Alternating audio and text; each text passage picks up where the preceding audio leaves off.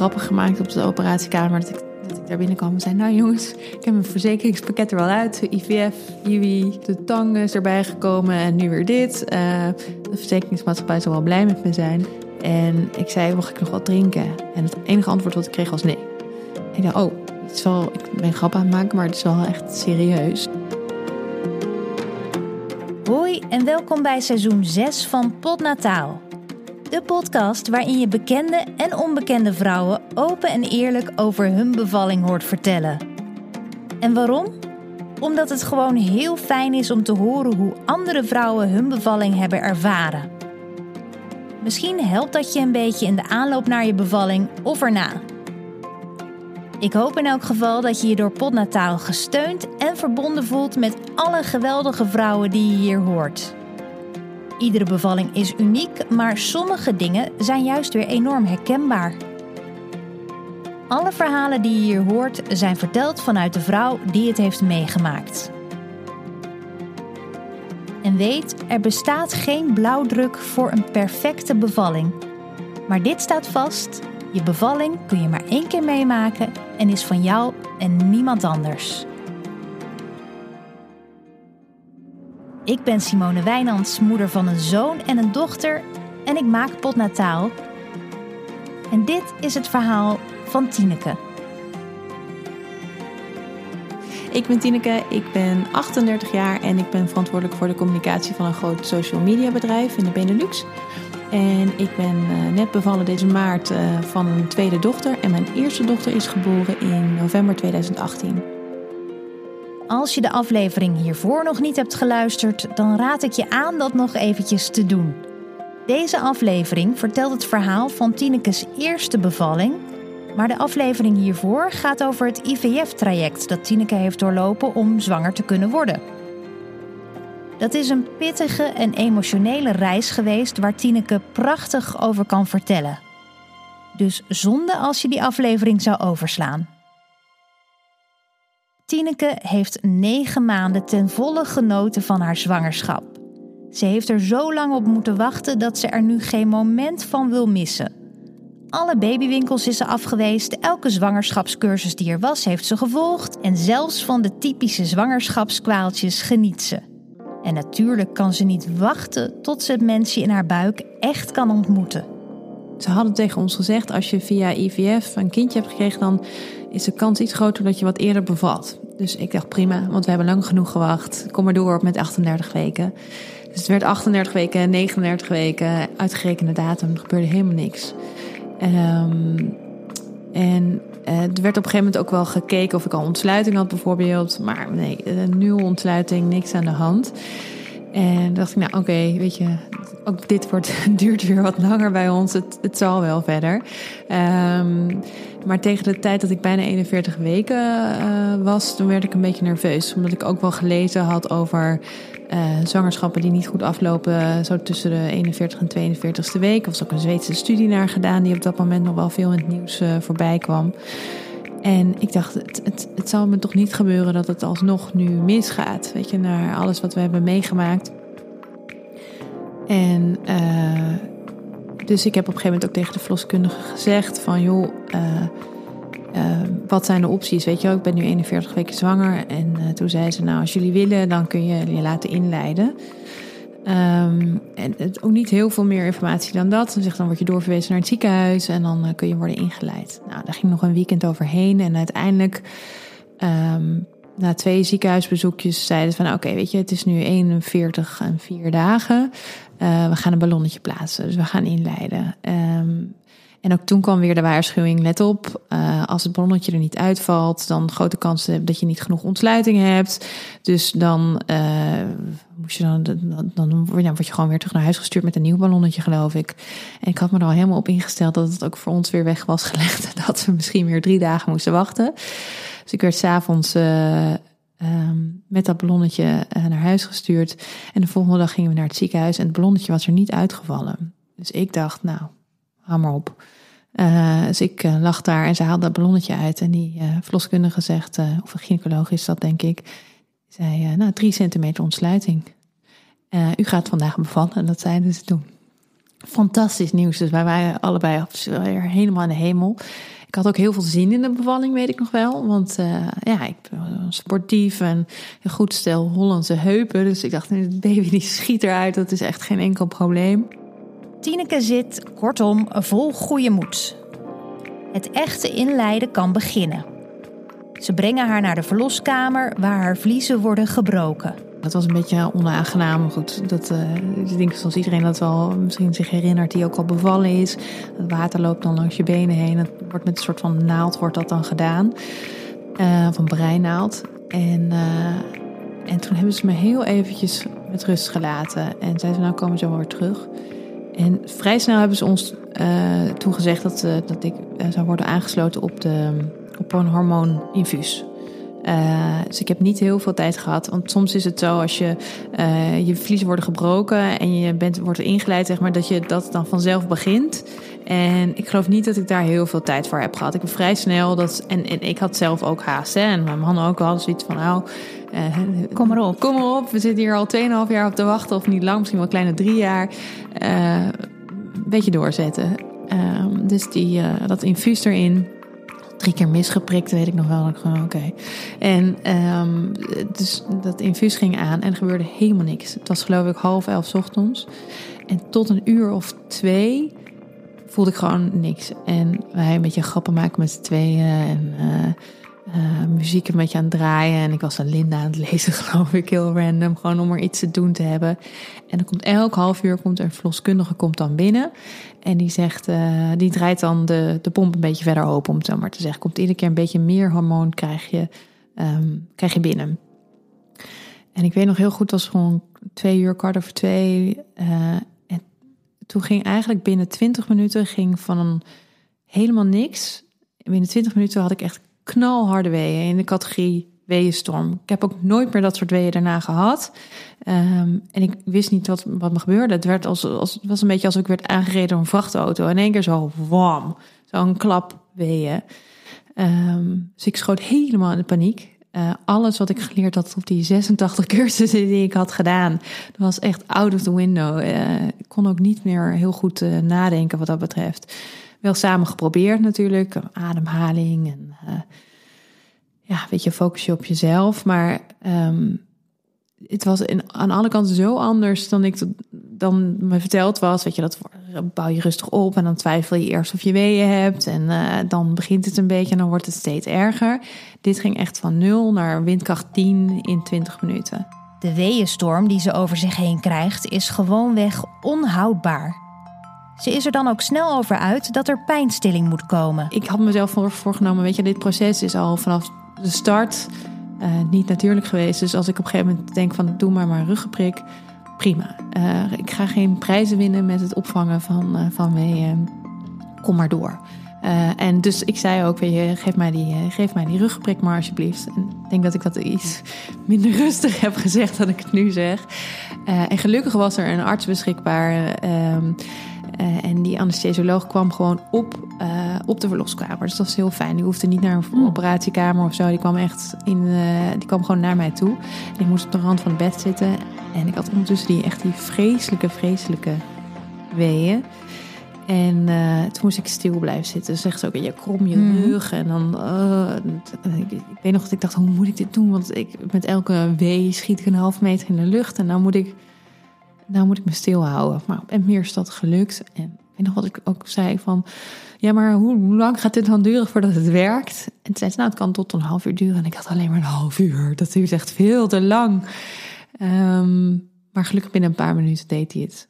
Um, en dat was zo fantastisch. Het was echt alsof je van de hemel naar de hel gaat in, in een paar minuten tijd weer. Um, dus wij weer grapjes maken. En je, kon, je moest natuurlijk in bed blijven ja. liggen. Want had je wel van tevoren nog een beetje in je hoofd bedacht hoe je het anders had willen doen? Want je wilde wel in een ziekenhuis bevallen. Maar uh, had je nog ideeën over dat je wilde rondlopen of uh, in, misschien ja. een bad? Of was ik had dan... inderdaad, ik wilde graag in bad. Nu je het zegt, ja, ik wilde heel graag in bad. Uh, ik, volgens mij zat ik in een kamer waar, ik, waar er geen bad was. maar omdat ik ingeleid werd, zat ik vast aan een monitor. En um, je hebt mobiele, moni uh, mobiele monitoren, die heb ik in het begin niet gehad. Heb ik later wel in het proces gekregen dat ik een beetje kon rondlopen. Maar ik zat zo vast in die monitor dat zelfs als ik naar de wc wilde en ik ben op een gegeven moment onder de douche gegaan, dan moest alles afgekoppeld worden. Dan moest door die draden moesten door mijn t-shirt heen en het was allemaal echt ontzettend onhandig. Dus niet echt de, ja, hoe zeg je dat? Niet, niet echt de omgeving om ons even lekker rustig als een soort van zwangere vrouw een beetje door, dat, door die kamer heen te gaan. Nee. En daar was je ook wel oké mee op dat moment? Ja, op dat moment wel. Achteraf heb ik wel gedacht van, oh, dit was wel echt eigenlijk heel onhandig. Um, maar ik was zo gefocust op dat eindresultaat dat me eigenlijk helemaal niet meer boeide hoe het zou gebeuren, als het maar zou gebeuren. Maar achteraf heb ik wel gezegd, het was veel makkelijker geweest als ik niet uh, uh, helemaal vastgeketend zou zitten aan die monitor. Dan had ik veel meer vrijheid gehad. Als de ruggenprik werkt, voelt ze zich direct een compleet ander mens. En ook haar eetlust is weer teruggekomen. Ik was zo is dat ik ook heel veel um, dropduo's heb zitten eten. en, ja, dat was een soort van kijk en dan op die monitor kijken hoe die weeën dan voorbij uh, kwamen. Dus we hebben we heel erg met twee om zitten lachen hoe dat dan kan. En, uh, um, ik was ook heel tevreden en ook achteraf over de keuze om die uh, rugprik te nemen. Omdat mijn theorie was een beetje, uh, als ik uitgerust uh, door die bevalling heen kom, kan ik daarna mijn kindje beter helpen. Ja, dan ben ik niet een moeder die van ondersteboven helemaal gesloopt is. Um, dan ben ik gewoon de sterkste, energie, meest energieke persoon die er is. En dan kan ik die energie geven aan mijn kind in plaats van aan een bevalling. En met die gedachte heb ik ook vrij snel toegegeven van, nou, dit, dit gaat nergens over. Um, en dat is het voordeel van een, van een tweede bevalling. Ik heb daarna nog een keer mogen ervaren hoe normale, tussen aanhalingstekens, weeën voelen. En dat was wel echt heel anders uh, dan wat ik met die inleiding heb gevoeld. En dat vind ik, dat is voor mij een groot cadeau geweest. Want als je dan wel eens erop terugkijkt en je denkt, uh, je ben ik geen aansteller. Ik denk dat dat bijna elke vrouw die een ruggenprik krijgt, denk wel denkt, ben ik geen aansteller. En ook ik had die gedachte, ondanks dat ik allemaal hele rationele reden had om het wel te doen. Maar nu ik dus nog een keer ben bevallen uh, zonder inleiding, weet ik wat, wat het verschil is. Het is rond een uur of drie in de middag inmiddels. De ruggenprik doet zijn werk en Tineke's ontsluiting wordt ook gecheckt. Je zit op 5 centimeter. Uh, dus ik dacht, nou, dat is al iets opgeschoten, maar dat was wel voor mij ook duidelijk. Nou, ik zit op de helft, dan is het ook wel echt de moeite waard om die ruggenprik nog te nemen. Want als je alle cursussen hebt gedaan, dan weet je dat het echt nog, wij spreken, dagen kan duren voordat je op die 10 zit. Um, dus wij die ruggenprik en toen op een gegeven moment uh, kwamen ze na een uur of anderhalf kwamen ze weer even toucheren. En toen zeiden ze, die zit op 10 centimeter. Ja, echt fantastisch. Ik denk eerlijk gezegd dat het ook voor een deel voor de, door de ontspanning komt. Uh, dat je dan denkt, oh ja, het duurt even geen pijn meer. En dus die, die, die 10 centimeter was er binnen no time.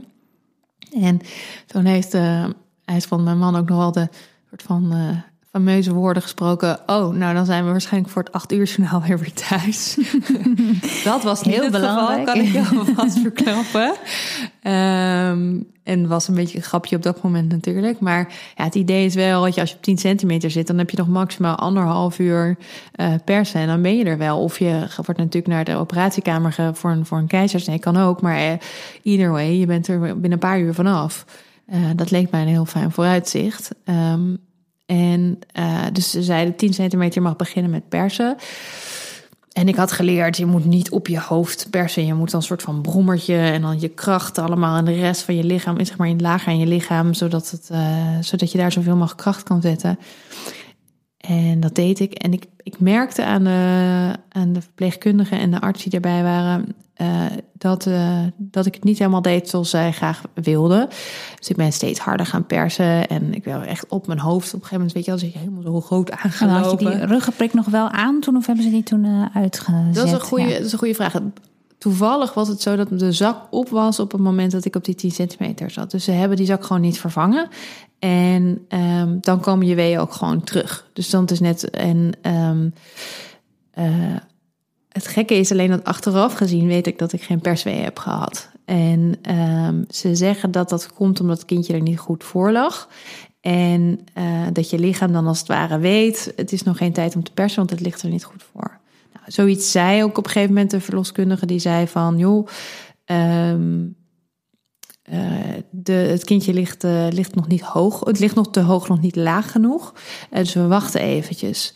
En um, ik, zij gingen weer weg en wij waren weer met z'n tweeën. Ondertussen waren die hellige weeën waren wel weer terug. Dus ik heb anderhalf uur al die dropjes er weer uitgespuugd. Zo, ik was ook echt, weet je, maag die helemaal inkromp. Het was echt geen pretje.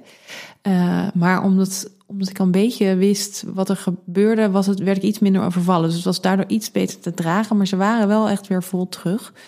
En um, ik ben ook gewoon anderhalf uur zijn we gewoon een beetje alleen gelaten. En ik, ik denk dat een, een tip wel is om op zo'n moment misschien wel even te gaan lopen als je de kans hebt. Ik geloof dat ik ook wel het advies heb gekregen om dat niet te doen, omdat ze bang waren dat ik vanwege die rugprik misschien door mijn benen zou zakken.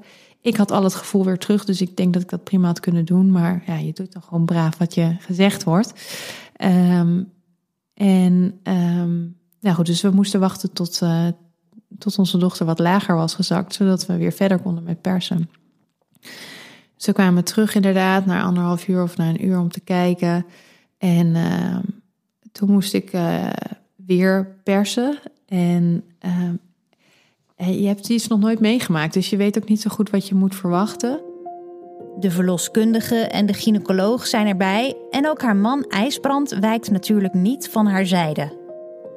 Tineke geeft alles wat ze in zich heeft dacht alleen maar, dit, dit is volgens mij niet zoals het mij verteld is. Ik voel geen kracht in mijn buik. Ik voel niet zo'n soort van golfbeweging. Maar ja, nogmaals, je, je doet wat je opgedragen wordt. Dus ik weer persen, helemaal rood aangelopen. En um, ik, ik weet inmiddels uit het medisch verslag wat ik later heb gelezen... dat ik waarschijnlijk 80% op spierkracht en 20% op weeënkracht heb gedaan. En normaal gesproken is het andersom. Uh, dan doe je gewoon 80% op wee en 20% op spier. Uh, maar omdat bij mij niet echt uh, van die weeën waren, um, ja, heb, ik het, ja, heb ik het maar op die manier gedaan. Uh, maar ik merkte aan alles in mijn omgeving dat het niet helemaal ging zoals ze wilden. Dus er werd echoapparaat erbij gehaald. En uh, ik was toen denk ik ook al een, dik uur aan het persen, misschien wel meer. En dus het echoapparaat werd erbij gehaald en er werd op mijn buik gezet. En zei ze, oh ja, het is een sterrenkijker. Ze ligt er niet helemaal goed voor. En vandaar dat het misschien ook wel wat moeilijker gaat.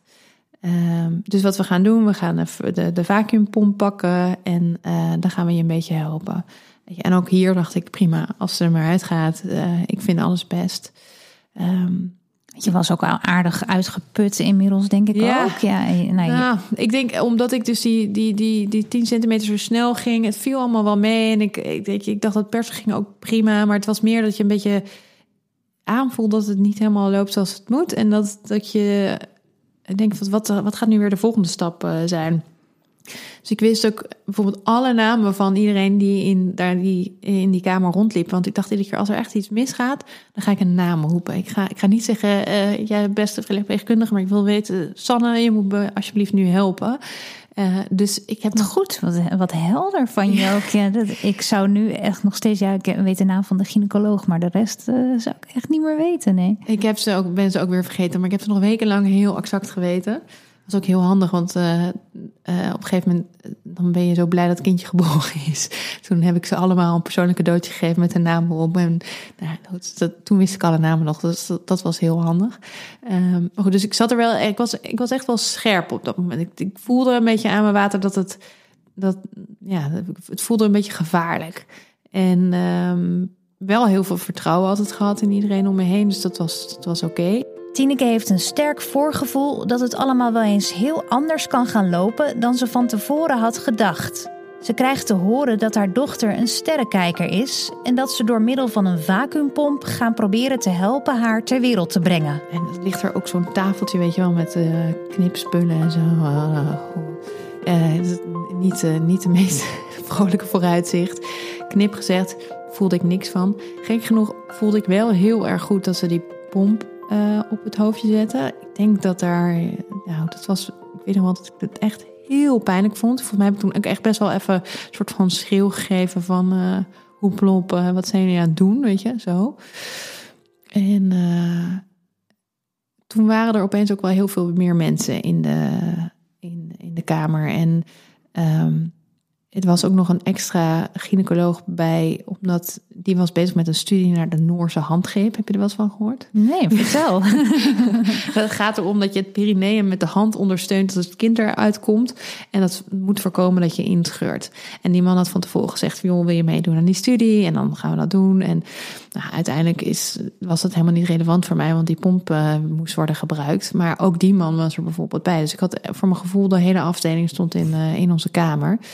En um, uh, IJsbrand was de hele tijd bij me. En die was ook echt de, weet je, met de washandjes en mijn hand vasthouden. En goed overleggen. We hadden ook afgesproken van tevoren dat hij. Um, hij, heeft een, een, een, medische achtergrond. Dus hij kon ook wel goed uh, communiceren met mensen daar. Dus het was ook heel fijn dat hij dat een beetje kon, uh, kon doen. En um, dus die vacuumpomp werd geplaatst. Dat was geen pretje. En toen moest ik gaan persen. En dan werd er op mijn buik geduwd. En, um, en tegelijkertijd hing er dus iemand aan die pomp. En ik, ik, ik weet nog wel dat ik op een gegeven moment met de derde keer of zo mijn ogen opendeed en zag dan dat de gynaecoloog echt als een soort van veearts tussen mijn benen dat kind, eh, ons kind aan naar buiten aantrekken was. Echt aan een ketting. Het was, ik bedoel, een kalf en een koe. Het was ongeveer hetzelfde, hetzelfde effect. En um, uh, dus dat was ook best wel intens, die ervaring. En ik dacht, wat, wat gebeurt er toch? Wat gebeurt er toch? Ook wel een beetje bevreemd. Ja. Een beetje alsof je ernaar kijkt, alsof het niet van jezelf is, Precies. denk ik, op dat moment. Ja, ja en, en die ervaring dat je lichaam, dat je echt helemaal overgeleefd bent aan de goden en het medisch personeel. Dat je, dat je weet, uh, hier, hier heb ik echt niks meer in de melk te brokkelen. Weet je, ik, uh, ik, ik moet mee in het proces en ik kan wel alle namen weten en precies weten wat nu de stappen zijn, omdat ik zoveel cursussen heb gedaan. Maar dit is gewoon nu even de natuur plus medische hulp en kijken waar we op uitkomen. En dat was wel uh, spannend. Zometeen gaan we verder met het verhaal van Tineke. Maar eerst gaan we er even tussenuit voor een moment met de sponsor, Tiny Library. Tiny Library is het gouden idee van Julie, zelf mama van drie kinderen, die bedacht dat een duurzame babyuitzet verzamelen toch echt makkelijker zou moeten kunnen. Want ja, als je nu voor het eerst zwanger bent, dan word je waarschijnlijk bedolven onder de reclames voor babyproducten die je allemaal nodig denkt te hebben. Maar de meeste producten van je babyuitzet gebruik je toch echt maar heel kort.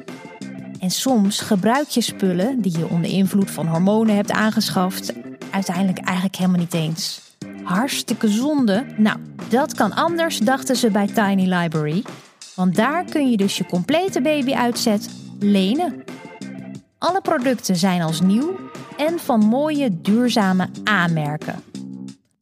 Kijk maar even op de site tinylibrary.nl. Ik heb al even gekeken en ik wilde eigenlijk alles wel, maar ja, ik heb geen baby meer. Dus dat komt mooi uit. Des te meer is er voor jou.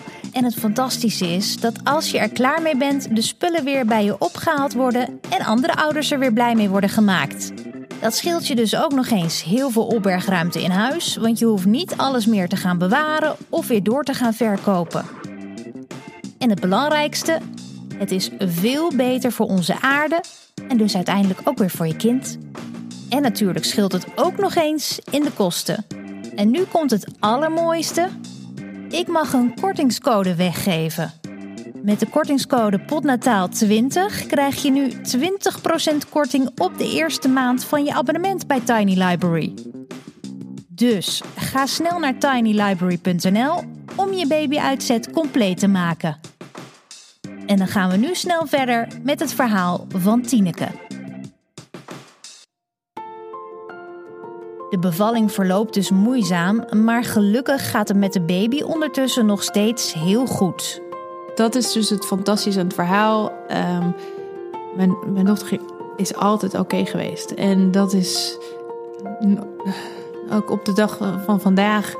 Uh, het is een ontzettend sterk meisje. En dat was toen al duidelijk. En ik heb ook altijd er vertrouwen in gehad dat ze oké was. En dat, dat is ook puur gebaseerd op op onderbuikgevoel. Maar feitelijk bleek het ook zo te zijn dat zij altijd helemaal sterk en gezond was. Dus ze, ze, plaatsen zo'n dingetje op haar hoofd om de hartslag en zo te meten. En volgens mij doen ze saturatie, maar dat weet ik niet meer zeker. Ehm, en zij was altijd veilig. Dus dat heeft mij ook de gelegenheid gegeven om nog zo lang te persen. En daar anderhalf uur mee bezig geweest. Ehm, en toen bij de, na drie keer vacuumpomp zijn ze nou probeer nog één keer. En ehm, anders gaan we, naar, uh, gaan naar de operatiekamer. En uh, toen werd er, was het weer, kwam er weer een, uh, een W aan en werd er op, weer op mijn buik geduwd. En toen voelden we er echt losschieten. Iedereen. Het was alsof ze ergens achter vandaan kwam en in één keer er vlot zo naar buiten kwam. En toen was ze geboren. En um, ze, werd op mijn, ze werd op mijn buik gelegd. En ik zou, ik zou je willen zeggen dat dat een heel mooi moment was. Maar dat, ik dacht alleen maar ik zat zo vol met adrenaline en, en focus op dat het allemaal goed zou komen. Dat ik alleen maar dacht: oh, wat fantastisch is er. Maar ik weet niet of ik er goed voor kan zorgen nu. Want ik was zo aan het trillen ook van de spierspanning. En uh, um, ik, ik, dacht alleen maar: ze is glibberig en ik ben glibberig en ik lig te trillen. En ik heb misschien de kracht niet meer om er goed vast te houden. En gelukkig was het mijn man er natuurlijk. Dus die heeft snel zijn shirt uitgetrokken en die heeft er overgenomen. Het, koord werd doorgeknipt. En uh, daar was ze. Dus dat was wel. Uh, ik heb me altijd in dat hele traject had heel erg voorgesteld hoe het zou zijn om haar dan te zien. En um, het, het, blijft iets, iets, uh, iets wonderlijks dat er opeens een kindje uit je komt. Dat je denkt, hey, zat, dat, zat dat in mijn buik net? Naast de verwondering komt er nu ook iets anders aan het licht. Het wordt duidelijk waarom het laatste stukje van de bevalling zo moeizaam verliep. Bleek dat zij, normaal gesproken plaatsen ze de, de vacuumpomp op het achterhoofd. En nu, hebben ze, uh, nu kwam ze naar buiten en had ze een heel puntig voorhoofd. Wat bleek nou? Ze hadden in haar achterhoofd aangezien, haar voorhoofd aangezien voor de achterhoofd. En de vacuumpomp was op de voorhoofd geplaatst. Dus er kwam een soort van unicorn kwam eruit. Uh, en op dat moment denk je ook wel, heeft ze er last van? En het werd allemaal verzekerd dat het allemaal oké was.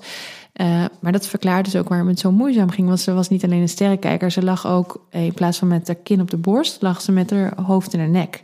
Dus alsof ze, waren, alsof ze een beetje al naar buiten aan het kijken was. Een beetje aan het turen, zo met haar hoofd in de nek van... Uh, uh, wat gebeurt er allemaal? Uh, heel nieuwsgierig meisje, dat is ze nog steeds.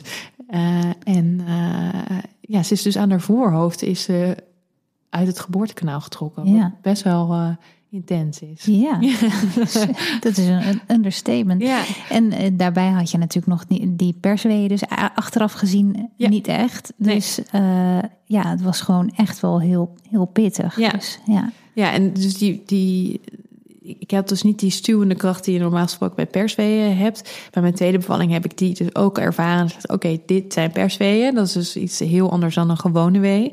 Um, dus ja, ik denk dat mijn spierkracht in combinatie met die vacuumpomp is wat het gedaan heeft.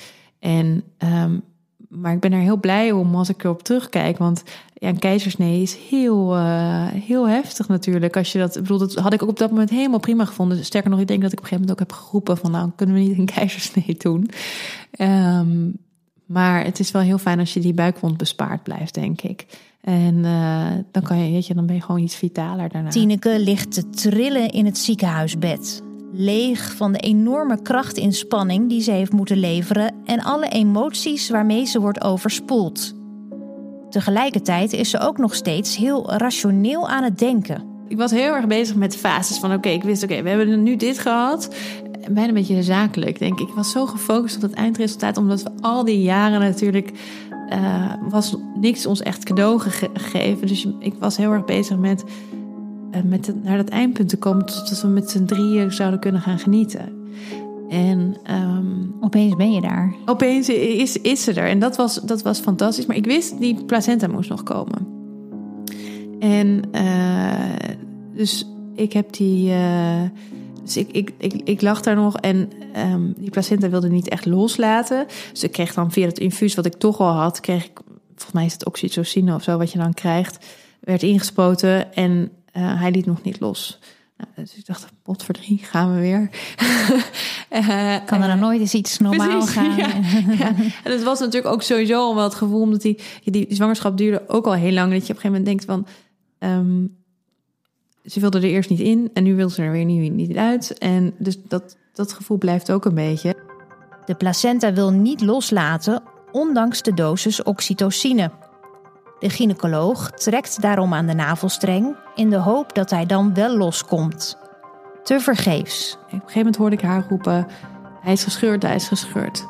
En uh, ik, weer, wederom ontstond er een beetje, een, beetje, een beetje rumoer om me heen. En ik zei toen ook tegen een van de lieve verpleegkundigen: Joh, ik voel me niet zo lekker worden. En, eh, en toen ging het heel snel. Uh, toen hebben ze mijn oorbellen er meteen uitgehaald. En ik werd echt in zo'n bed meteen als soort van IR over de gang gereisd richting de operatietafel. Want zeiden ze, nu gaan we eruit halen, anders verlies je te veel bloed. En uh, ik, ik vond alles best. Ik heb ook nog grappen gemaakt op de operatiekamer. Dat ik, dat ik daar binnenkwam en zei: Nou jongens, ik heb mijn verzekeringspakket er wel uit. IVF, IWI, uh, weet je, de, verlos, de, de, de, tang is erbij gekomen en nu weer dit. De verzekeringsmaatschappij zal wel blij met me zijn. Um, en uh, ik werd op die operatietafel gelegd. En daar hebben ze me onder zeil gebracht. En ik weet nog dat ik, voordat ik onder zeil werd gebracht, heel erg dorst had. En ik zei, mag ik nog wat drinken? En het enige antwoord wat ik kreeg was nee. Ik dacht, oh, het is wel, ik ben grap aan het maken, maar het is wel echt serieus. Het is het laatste wat ze zich realiseert voor ze onder narcose gaat. Als ze haar ogen weer opent, ligt ze in een ziekenhuisbed op de medium care afdeling. Daar was een echt ontzettend lieve verpleegkundige. En uh, die zei tegen mij, uh, ik was alleen, want mijn man die was achtergebleven in de verloskamer met onze dochter. Ook een beetje ontredderd waarschijnlijk. Heel erg, ja. Ja, dat was wel heel naar. Want zo kan je je voorstellen, als je veel bloed verliest... dan ligt ook zo'n hele kamer onder het bloed. Je hebt een klein babytje vast. En ze hebben me heel fijn geholpen. Maar je zit toch wel heel eventjes in je eentje met zo'n baby op je buik. En je vrouw die wordt weggereden en met, echt met uh, gierende banden. Het is niet het allerleukste proces. Um, ik geloof wel dat hij altijd vertrouwen heeft gehad dat het wel goed kwam. Dus dat, dat, dat is het positieve ervan.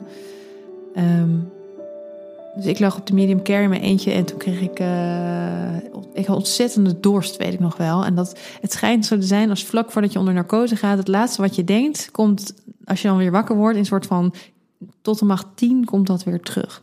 En dat had ik dus ook. Dat een totale obsessie voor limonade. en ze hebben me ook alle limonade gegeven die er te krijgen was. Maar ik was er eigenlijk nog veel te zwak voor. Dus ik heb ook alles weer teruggegeven. En, um, en toen zei ze, je hebt 2,5 liter bloed verloren. En een gemiddeld mens heeft zo'n 6 liter bloed. Ik denk met, met je zwangerschap heb je misschien iets meer bloed in je lijf. Maar je hebt zo ongeveer de helft van mijn bloed had ik verloren. Gigantisch veel, ja. Ja, ja dus ze hebben dit... Die, um, ze hebben me zo'n zak bloed gegeven, twee geloof ik, packet cells noemen ze dat dan. En ik lag daar en ik dacht alleen maar, nog alleen dit, nog alleen dit, het laatste stukje, laatste stukje. Weet je, nog even en je mag je dochter vasthouden en nog even en ze komen hier naartoe. En concentreer je maar gewoon even op jezelf, zodat je daarna zo snel mogelijk haar, weet je, je moet hier nog doorheen. Ik zat echt af te wachten tot het voorbij zou zijn. En uh, ik voelde me heel klein en heel kwetsbaar, weet ik nog wel. Ik wilde ook lief mijn moeder bellen. weet je, een soort van ja. klein kind word je ervan. Mocht, kon dat niet op dat moment ook? Of... Nou, dit, wat ik je nu vertel, is denk ik gebeurt ook een soort van half waak, half wakker hmm. toestand. En um, toen ik later wat wakkerder werd, um, toen kon ik wel inderdaad met mijn moeder bellen. En um, ja, heel, heel primitief eigenlijk. Heel even terug naar je, naar je moeder om, om veiligheid te zoeken. Nog maar nauwelijks bekomen van wat ze de afgelopen uren heeft meegemaakt, is dan nu eindelijk het moment waar ze zo ontzettend naar heeft toegeleefd. Mijn, mijn man kwam aangereden met een verpleegkundige en ik hoorde ze al van verre aankomen, want ze was een beetje aan het mopperen volgens mij. Maar, uh, daar was Pia, onze dochter. en. Uh, um, ik kreeg haar. Uh, ik lag er echt. Ik was echt, echt heel ziek. Uh, maar ik mocht haar toch vasthouden. En uh, ze lag er bij mij onder de, onder de deken. En dat was zo fijn en zo fantastisch. Ik dacht, nou ja, hier heb ik het allemaal voor gedaan al die jaren. En ze is bij me. En we hebben ook honderd foto's gemaakt met z'n drieën. Om maar, om maar gewoon een soort van er zeker van te zijn dat ze er echt was. En dat het niet een droom was of dat het weer voorbij zou zijn. En ja, mijn, mijn man was ook echt, IJsland was zo blij, weet je, ondanks alles wat er was gebeurd. Je bent alleen maar gefocust op dat kindje en alles ja, ja dat, dat is misschien het rare. Want als je alle feiten op een rij zet, dan denk je, goh, weet je wat een gedoe. En, maar het feit dat zij er is en dat je er zo voor gevochten hebt en zoveel geluk hebt gehad, dat maakt echt alles goed. Ze moeten nog twee dagen in het ziekenhuis blijven om te herstellen, maar daar maalt Tineke helemaal niet om. Ze is vol lof over het ziekenhuispersoneel. Het ziekenhuis is ook echt mijn lievelingsplek eigenlijk, omdat het is waar onze dokters gemaakt zijn en geboren zijn. En um, ik, ik, ik, ik, hou echt een beetje van die mensen die daar werken. Ik heb ook, je wordt wel eens gezegd, nou je moet niet naar het ziekenhuis, want daar voel je niet op je gemak. Bij mij is het andersom. Ik moest laatst nog naar het ziekenhuis om bij de huisartsenpost iets op te halen. En ik ben heel bewust even nog in dat ziekenhuis te gaan staan om te zeggen, wat zijn hier geweldige dingen gebeurd, weet je? Ja, heel, uh, ja dat raakt me heel diep. Ja. Uh, en iedere keer als ik er ook nog ben, dan steek ik even een kaarsje aan. Er zit zo'n soort van stiltecentrum zit erbij gewoon even een, een, kaarsje aansteken om dankjewel te zeggen dat het allemaal gelukt is. Het emotioneert Tineke nog steeds. Het zijn tranen, maar wel vooral van geluk. Dat zie ik in haar ogen als ze erover vertelt. Je, je hoort ook vaak van, het is zo'n fantastisch moment. Ik kreeg op de borst en alles was goed. Um, ik denk pas toen wij thuis waren en ik weet nog, voor mij was het de derde of de vierde avond. En ik kreeg haar, ze, ze, lag bij mij. En pas toen kon ik echt huilen van blijdschap. Weet je, echt, echt zo blij dat ze er was. En dat je echt ik zo verliefd op haar was. En, en alleen maar dacht, hoe, wat een wonder, wat fantastisch. En ik denk dat dat pas het moment is geweest dat ik echt de oversteek heb gemaakt naar, eh, naar moederschap. En daarvoor um, geef je kindje alles wat je hebt. Maar dat, dat gevoel van, oh ja, je bent een deel van mij. En wat ben ik blij dat je, dat je, dat je er bent bij ons, bij, bij ons thuis. Dat, dat, dat is het verliefde gevoel, dat was echt hemels. Ja. Ik heb een beetje een rare afslag misschien, maar ik heb ook wel eens gedacht tijdens het proces, tijdens het IVF-proces en alles wat daarvoor gebeurde. Uh, misschien vind ik het wel helemaal niet leuk om moeder te worden, weet je. Uh, dus ik dit allemaal te doen en al dat gedoe en die pijn en, en die stress en en dan heb ik straks een kind en dan vind ik het vreselijk. Ik denk dat volgens mij is dat heel normaal. ik denk dat iedereen zich dat wel een keer afvraagt. Ja. Maar dat is echt het tegenovergestelde is het geval. ik vind het uh, echt het allergrootste cadeau wat er is om, om kinderen te krijgen.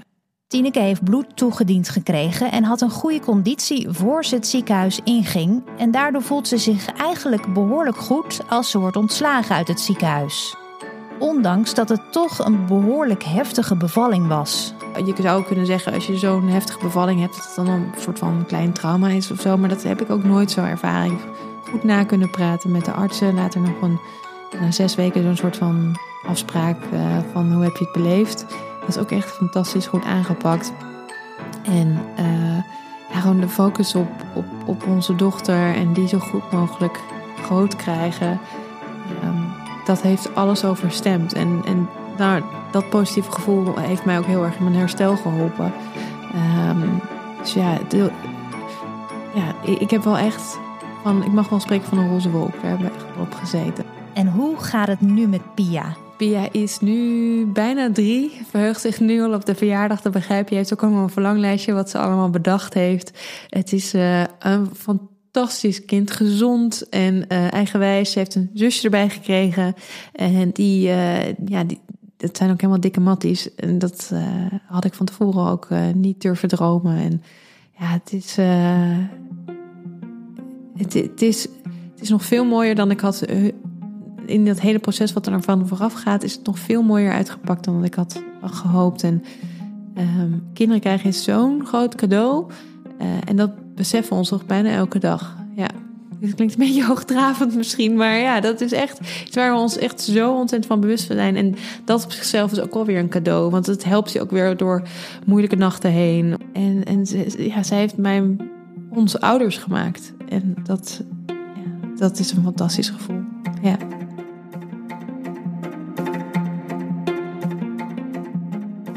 Je hoorde het verhaal van Tineke.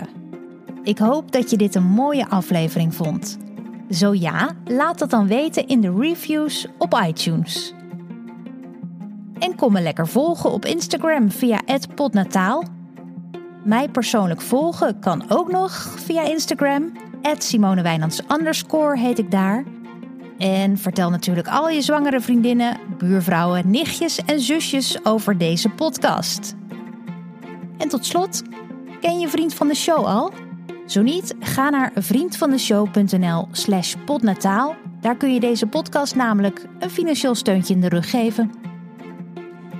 Dankjewel voor het luisteren en tot de volgende. Doeg!